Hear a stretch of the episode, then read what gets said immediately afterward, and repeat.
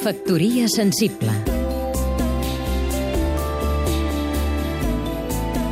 David Castillo, escriptor. Durant dues setmanes la Filmoteca de Catalunya ha programat el cicle Després de Tànger, una visió sobre el Marroc d'avui, un cicle de pel·lícules que té com a base tant el cinema de ficció com els documentals i escurs sobre la situació i els drets humans al Marroc contemporani.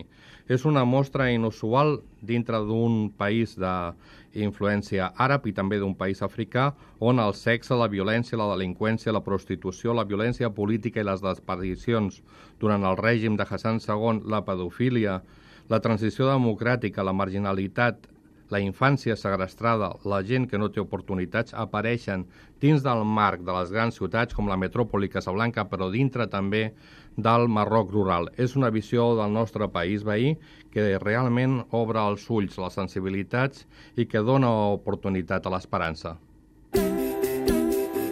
Factoria sensible Seguim-nos també a catradio.cat